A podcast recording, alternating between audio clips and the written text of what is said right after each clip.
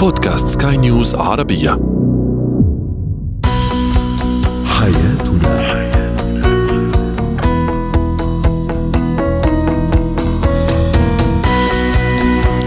مستمعينا الكرام أهلا بكم معنا إلى حياتنا فضاؤكم اليومي الذي يعنى بشؤون الأسرة وباقي الشؤون الحياتية الأخرى والذي يمكنكم الاستماع إليه عبر منصة Sky News Arabia dot com slash podcast وباقي منصات سكاي نيوز العربية الأخرى. شاركونا أيضا عبر رقم الواتساب 00971 خمسة ستة واحد ثمانية ثمانية ستة اثنان اثنان ثلاثة. معي أنا آمال شابة اليوم نتحدث عن التغيرات النفسية والعاطفية والسيكولوجية في فترة النفاس عند السيدة وكيف نتجاوز أو كيف تتجاوز هذه المرحلة بسلام. أيضا كيف أربي بنتا وحيدة بين عدد من الذكور؟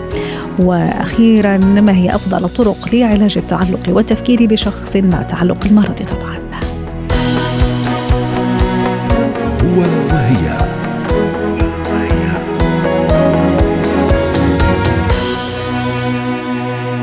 النفاس هي الفترة التي المباشرة بعد الولادة وهي مرحلة أساسية في حياة كل أم وتبدأ بعد الولادة مباشرة وتدوم حوالي من ستة إلى ثمانية أسابيع وفيها تحتاج الأم إلى عناية فائقة وراحة كبيرة وتغذية صحية ونوم كافي.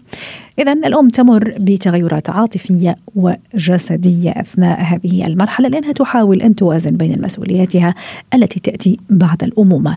اليوم الحديث عن هذه التغيرات العاطفية والنفسية والسلوكية أيضا. رحبوا معي بدكتورة كريم إيليا الاستشارية النفسية والأسرية سعد أوقاتك ست كريم يا هلا وسهلا فيك.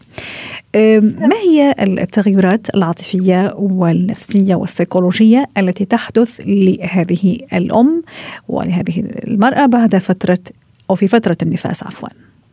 نعم الإشياء اللي بتعيشها المرأة من بعد فترة من بعد الولادة بفترة النفاس هي فيها تكون من بسيطة لحاله ذهنيه وبس تكون حالات بسيطة هي التغيرات أحيانا الحاجة إلى البكاء البسيط أحيانا الرغبة بالنوم الكثير أحيانا الرغبة بعدم رؤية الآخرين وغيرها.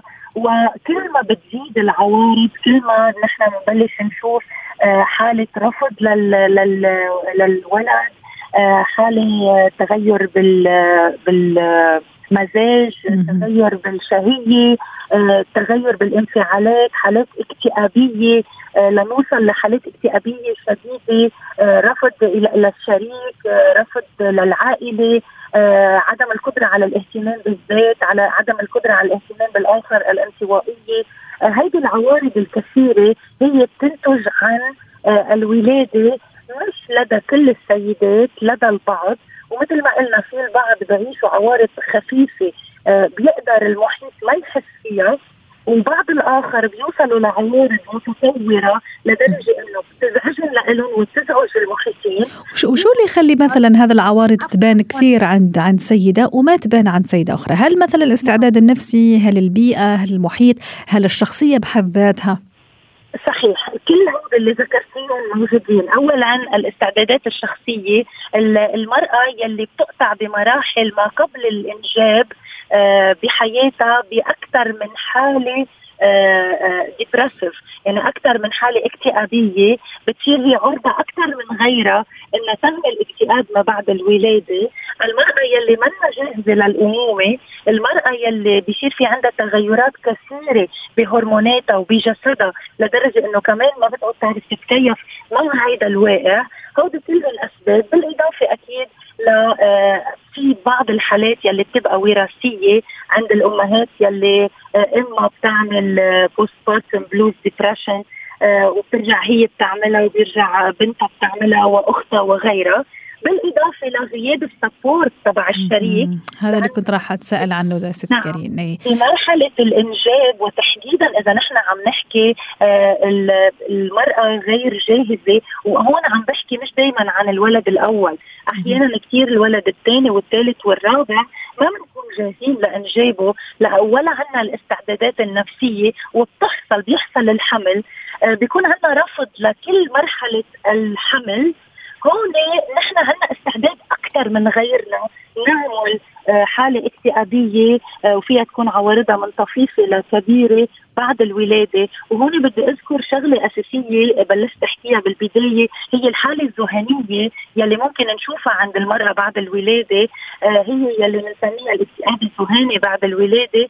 هي المرأة يلي بتخاف على ابنها من نفسها. أحيانا بتحس إنه لازم تقتله لحتى تحميه من نفسها. أحيانا بتحس بدها تخنقه.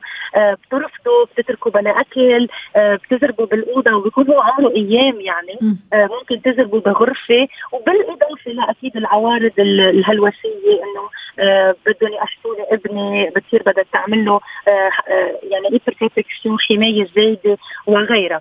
هيدي كلها حالات ممكن نشوفها وهون كمان بدي ألفت النظر إنه المرأة فيها تنجب أكثر من ولد وتعمل هيدي الحالات في كل مرة. ولاده إيه مش بكل مرة. آه. فيها تعملها مرات إيه مرات لا. طيب. إذا عملتها بالإنجاب الأول يعني حكما رح تعملها بالإنجاب الثاني والثالث. أه، ست كريم حضرتك يعني كفيتي وفيتي وذكرتينا تقريبا كل الأسباب. أه، طيب الأسباب العضوية اللي هي مثلا يعني الإمساك في, هذه الفترة تساقط الشعر عند البعض بعض الالتهابات الهبات الساخنة مثلا. هل هذه عندها دور أو تزيد من هذا يعني التغيرات النفسية والعاطفية اللي عم نحكي عنها؟ سؤالك سؤالك جدا رائع. هيدي العوارض هي مثل ما بنقول نحن آه، يعني الإضافات على الاستعداد. إذا أنا عندي الاستعداد لفوت بهيدي الحالة اي تفصيل صغير ممكن يفعل هيدي الحالة ويساعدها. ولكن إذا أنا ما عندي استعداد وأنا عندي الحصانة اولا النفسية ثانيا الاجتماعية والبيئية ثالثا عندي الدعم الشريك أنا بقدر ما أعيشهم. حتى لو آه، تغير وزني بكيلويات كثيرة حتى لو تصفت شعري عملت الإمساك آه، لو شقق جلدي لو لو عانيت من كثير مشاكل أنا بقدر أتخطاهم لأنه بعرف إنه هودي من تداعيات الإنجاب ولكن أنا عم بفرح بالشيء الألذ يلي هو الإنجاب والامومه وغيرها بقدر أتخطى هالعوارض. ولكن إذا أنا آه، ما عندي حصانة نفسية ومناعة نفسية. وكيف وكيف تكون عندي هالمناعة ست كريم حتى نختم معك ونودعك اليوم؟ كيف أنا عم أستعد للوضع يعني اني أخلف مثلا بعد كم كم كم يوم؟ وحتى هذا رسالتنا اليوم لكل آه. السيدات وتحياتنا لهم جميعا. كيف أستعد ست ست كريم منيح اللي قلتي عم بستعد بعد كم يوم. لأنه أنا بستعد للإنجاب مدة تسعة أشهر مش آخر كم يوم. لأنه خلال التسعة أشهر أنا بدي يكون بتواصل دائم مع طبيبي. اولا عم يشرح لي كل مرحلة أنا بدي أقطع فيها بحملة شو التغيرات اللي ممكن أتوقعها وبده يحضرني لمرحلة ما بعد الإنجاب عن التغيرات الهرمونية عن التغيرات بالمزاج. وبنفس الوقت هيدي كلها بدها تنشرح للشريك صح. وبالوقت. لأنه كمان نهملها كثير هذا المرحلة ست كريم. حنا بالنسبة لنا خلص تنتهي المرحلة بس وانس اجى البيبي خلص أنا خلصنا يعني. بس أتصور إنه مرحلة كثير مهمة. هيدي أخطر نقطة لأن المرأة بتحمل تسعة أشهر لوحدها ولكن بتنجب هي وزوجها وكل العائله والجيران والأصحاب. هيدا بيأثر كمان على نفسيتها ومزاجها وانفعالاتها وقهرها إنه اوجاع التسعة أشهر أو أو ضغط التسعة أشهر عشت لوحدي ما حدا سأل عني صح. آه بس ولا بس حصلت الولادة كلهم حضروا وكلهم حضروا اهتماما بالطفل. يعني مم. أنا مثلا وقتها هني امرأة وعم يستعدوا للسبوع كمان. صحيح. وأنا وقتها 100% أنا مثلا شخصيا ككرن وقت اللي بدي هني امرأة بعد الولادة أنا بقول لها الحمد لله على سلامتك طمنينا عن صحتك وكيف المولود الجديد مبروك؟ أنا ما بقول لها كيف آه، ما ببلش بالمولود. أنا بسألها عن صحتها عن إذا إذا هي اليوم مستقرة نفسيا جسديا بعدين بسأل عن المولود. هيدي الشغلة تفصيل بسيط ولكن بيعطي معنويات. وأكيد الشريك له دور كثير كبير. بالدعم النفسي المعنوي المساعدة بالمنزل الحضور وغيرها. مش بس يتلقى الهدايا والتهنئة بالمولود الجديد وهي عم تتعذب تحمم الولد وعم تتعذب تقوم عليه بالليل وتتعاني من الأوجاع وتاخذ الأدوية وتتعامل مع جرحها وكل هذه الأمور. وطبعا هذه رساله من خلالك ست كارين إنه مبروك اولا مسبقا لكل النساء اللي ممكن عم يستعدوا يستقبلوا مواليد جدد وإن شاء الله يعني آه، يكون مولود البركة وإن شاء الله بصحة نفسية آه، جميلة ويعني تكون صحتهم دائما في أحسن حال شكرا لك كارين ليا ضيفتنا العزيزة من بيروت. زينة الحياة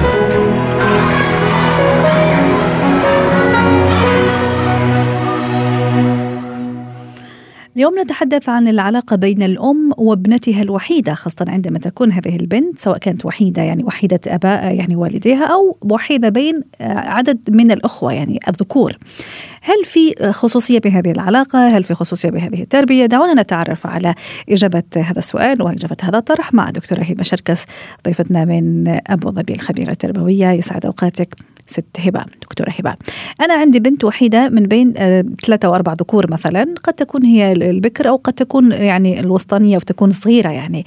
ما هي طبيعة العلاقة وطبيعة التنشئة اللي لازم تكون عليها هذه البنت؟ آه، هو طبعا البنت الوحيدة في وسط الذكور أو البنت الوحيدة آه، اللي هي وحيدة تماما آه، بيكون طبعا في علاقة ما بينها وما بين أمها علاقة وطيده لأن هم بيكونوا القطب الأنثوي داخل البيت. أحيانا مع أبوها يا دكتورة هبة. يعني أحيانا مع أبوها أيضا. أحيانا كمان مع أبوها بس يعني أنا بنت وحيدة في وسط أربع أخوات أولاد وأنا الخمسة آه، رقم اثنين وبنت وحيدة. فعشت التجربة دي بكامل. أها يعني اخترنا الشخص المناسب اليوم دكتورة هبة.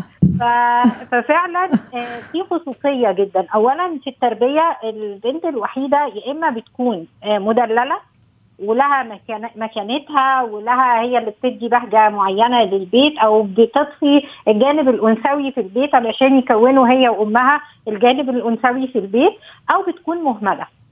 أه. وبعض الأسر بت بتخليها طبعا اللي عندهم تمييز ما بين الجنسين بتخلي البنت دي تبقى أحيانا كمان بتخدم أخواتها يعني اعملي شاي لأخوكي اكوي لأخوكي الحاجة الفلانية اعملي كذا يعني كان كأن كونها البنت الوحيدة ده بيحملها مسؤولية البيت آه مع الأم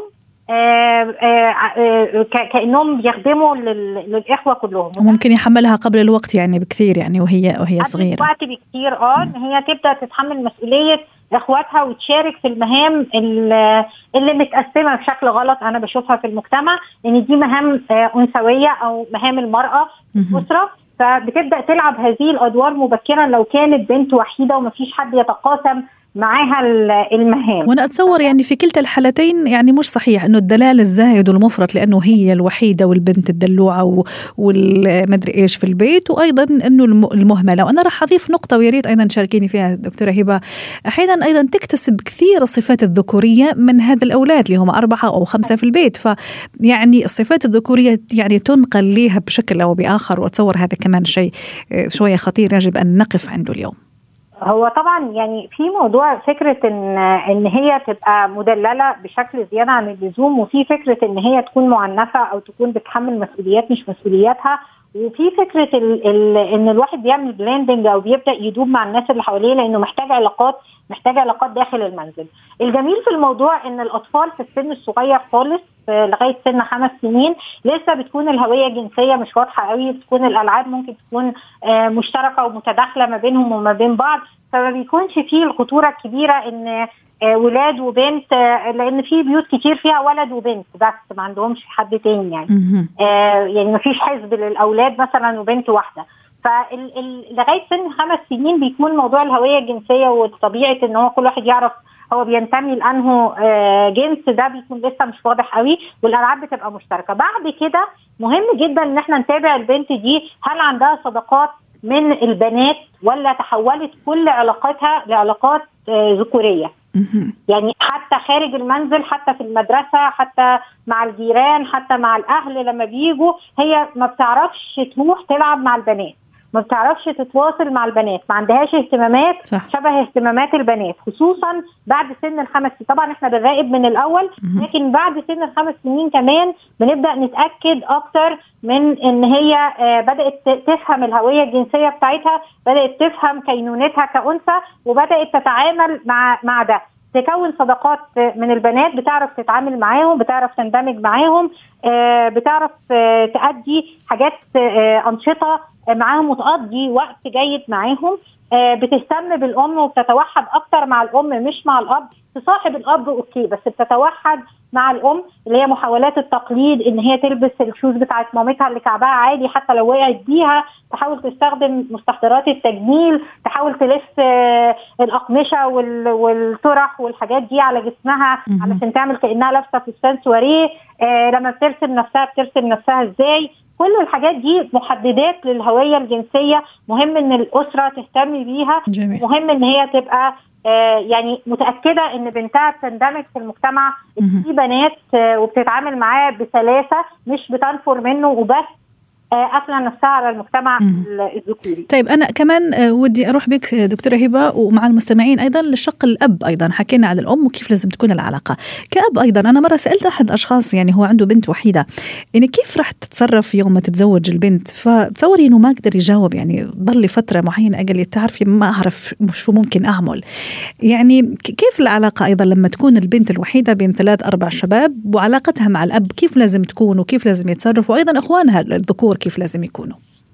هو طبعا آه، علاقة البنت الوحيدة مع الأب بتبقى علاقة وطيدة وهو بيبقى حاسس إن دي آه، يعني لها كينونة ولها مكانة عنده. وفعلا انفصالها عن البيت واستقلالها آه، بيكون فيه شوية صعوبة, صعوبة.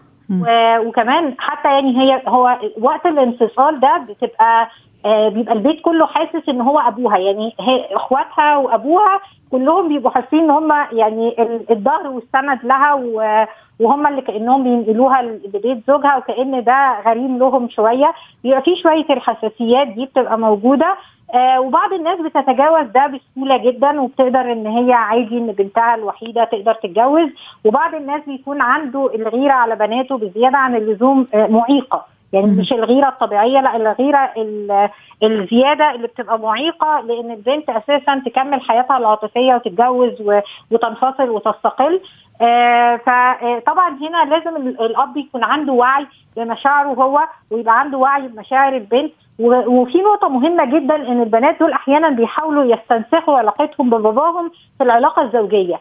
ودي معمول عليها أبحاث وأنا شفت حالات كتير جدا عندي في الاستشارات بتعاني من ده من محاولات استنساخ الأب في الزوج زي ما بيكون في زوج بيحاول إن هو يلاقي أمه في زوجته فغالبا البنت اللي كمان بالذات اللي بتكون وحيدة ومتعلقة بأبوها آه وأبوها فعلا كان سند ودعم لها بتبقى بتحاول تلاقي ملامحه في في العلاقة الزوجية وده بيحول العلاقة الزوجية لعلاقة والدية. فلازم يبقى عندنا حذر إن العلاقة الزوجية لها آه كينونة مختلفة عن العلاقة الوالدية ولازم نعرف البنات على ده آه، في أثناء تأهيلهم للزواج. شكرا لك دكتورة هبة شركاس الخبيرة التربويه ضيفتنا العزيزة من أبو ظبي. مهارات حياة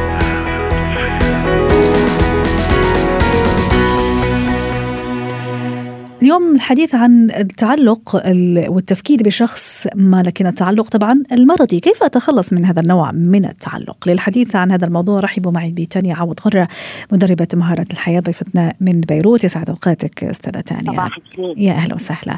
آه، في البداية دعيني أستعرض بعض التعليقات التي وصلتنا عبر منصات نيوز عربية وسؤالنا كان أيضا ما هي أفضل طريقة للتخلص من التعلق المرضي بشخص ما؟ منى تقول أنا عانيت من تعلق مرضي بأخي الكبير بعد وفاة والدي وتخلصت من المشكلة لما ارتبط بزوجي وأصبح لدي أولاد وعائلة. ماهر الفراغ من أهم أسباب التعلق المرضي والانشغال بأشياء مفيدة هو الحل وأيضا تعليق آخر يقول القراءة والرياضة والدورات العلمية والتثقيفية. ستانية كمدخل اليوم لحديثنا معك ماذا يعني تعلق مرضي أو بشخص ما أو تفكير؟ آه، يعني زايد شوية على اللزوم بشخص ما. نعم. آه من السهل جدا إنه ننظر من الخارج ونقول لا ما لازم تتعلقوا بشكل مرضي بالآخر. ولكن من الأصعب هو التطبيق يعني هو انه الأشخاص يلي بقلب العلاقة إنهم يقدروا آه يطلعوا من هذا الشيء. ومثل ما تفضل أحد المستمعين وقال هالأمر بيرجع لعدة أمور آه يمكن آه، انفصال الأهل آه، على عمر صغير يمكن مشاكل كان يعيشها بالبيت. يعني في بعض الأشخاص هم بحاجة لصورة الآخر بحياتهم وبحسوا حالهم ما بيكتملوا إلا بوجود الآخر. آه، بحياتهم. وهيدا الشيء ما بنقدر نقول لهم آه، قبل بوقت للناس هن بيعرفوا حالهم. نحن كل اللي ممكن نعمله إنه نقول لهم إنه ينتبهوا ما يكونوا من هالأشخاص وكيف ممكن إنه يتخطوا آه، هالتعلق اللي بيصير مرضي لأن مع الآخر. لأنه لما الآخر ما بده يحكيني أو ما بدها تحكيني طبعا عمل لي بلوك أو قال لي خلص انتهى كل شيء ابتعد صار بغير علاقة يمكن صار بغير مكان وأنا بعدني مصرة. ممكن هيدا الشيء غير إنه يؤذيني جدا صحيا ونفسيا لإلي ممكن يقودني إلى القيام بتصرفات قد قد تتسبب بإهانتي أو بأذية الآخر في الحالات القصوى. لهيك لازم كثير ننتبه إنه لما بيكون انتهى الأمر كيف نعمل لحتى نطلع من هالتعلق المرضي. وأحيانا ستانية قبل ما نروح للنقطة أيضا الموالية مو فقط العلاقة بين يعني مرأة ورجل ممكن أيضا زي ما في تعليق من منى ممكن بين أخت وأخوها بين أخ واخته صديقة وصديقة. عرفت كيف؟ يعني الأمر يتعدى إلى العلاقة بين المرأة والرجل يعني في في, في, في المجمل يعني. طيب أنا متعلقة بشخص ما بصديقة بصديق بأخ بأخت يعني بتانية مثلا خلينا نقول. هو تعلق مرضي. آه، في خطوات كذا تعطيها لنا حتى تساعدينا نتخلص من هذا التعلق المرضي ويصير تعلقنا عادي جدا إذا وجد هذا الشخص في حياتنا. أوكي حياتنا تمام. وإذا مش موجود كمان حياتنا تمام. طبعا طبعا. أول خطوة لازم نعملها لما بيوقع الخلاف أو الانفصال أو الابتعاد مع مع مع صديق صديقة أخت أخ أم أب حبيب حبيبة زوج زوجة. أول عمل يجب القيام به وهو الخطوة الأولى للانتقال إلى ما بعدها هو المرور بمرحلة الحزن. يعني كيف لما آه، آه، بيتوفى لنا أحدهم عنا فترة حزن بدنا نعيشها آه، آه، في مرحلة الدفن من بعدها في التعافي. نفس الأمر آه، بيني وبين ذاتي بدي يعني أعيش تفاصيل الفقد هذا أو أعيش تفاصيل ال ال يعني انه انفصلت أنا عن هذا الشخص. صح أن أبكي أدع نفسي أبكي أن أحزن لا أريد أن أرى ولكن يجب أن يبقى يعني بحياتي من هو من هناك من, من هو سند لي يمكن تكون والدتي يمكن تكون صديقة عزيزة على قلبي. حدا أه بقدر اتصل فيه بوقت هالحزن العميق أه لحتى يسندني. يمكن يقطع بعض الأشخاص حزنهم أسابيع بعض الأشخاص أشهر بس لما بيتعدى كم شهر بيصير في إشكالية. م. يعني آه برجع بقول مثل لما بيتوفى لنا حدا أكيد آه محبته ومكانته الوفاة غير شيء لأنه ما بقى عم نشوف الشخص وما خنقنا معه. ولكن الحزن ال ال الضاغط والكبير المؤذي له مرحلة أولية وبعدين نتاقلم مع هذا طيب. مع هذه الخسارة. نفس الشيء مع الأفراد يلي بنخسرهم أو بيطلعوا من حياتنا طيب. أو يمكن نحن بنطلعهم من بعد ما خلصنا هذا المرحلة الثانية وبس الوقت لأنه كمان عم يدهمنا حتى نستفيد منك. ثاني شيء صح. ثاني شيء مثل ما قلت بده يكون عندنا حدا سبيد دايل على تليفوننا حدا بيسند حدا بيسمع لنا حدا بيقول لنا يلا قومي البسي ثيابك وظهري من البيت آه، حدا بيقول لي جاي اشرب عندك فنجان قهوة. هيدا ضروري يكون عندنا هالسند يلي بيعرف إنه أنا علقانة وما بستحق له لهالسند إنه أنا علقانة بهيدي الصورة. كثير مهم. لازم ننظم أيامنا. يعني نعمل أيام فيها فيها شغل فيها إنتاجية فيها راحة فيها تسلية ونطلب مساعدة اللي حولنا مش غلط.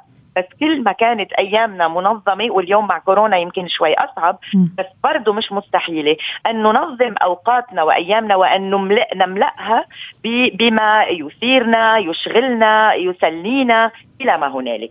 أيضا علينا الاهتمام بذاتنا. لازم بعد بعد هالمرحلة أطرح على نفس الأسئلة.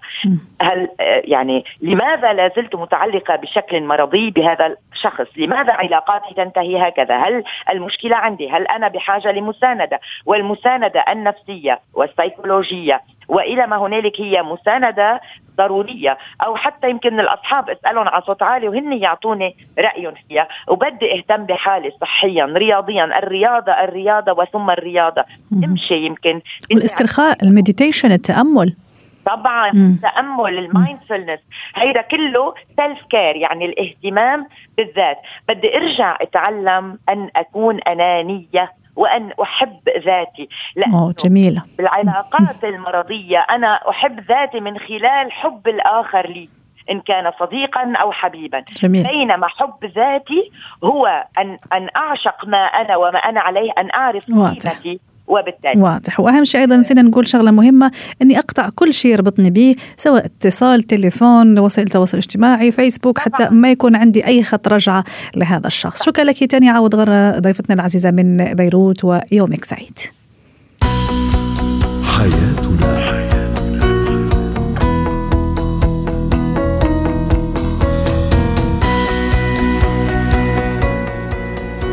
ختام حلقة اليوم من حياتنا. شكرا لكم وإلى اللقاء.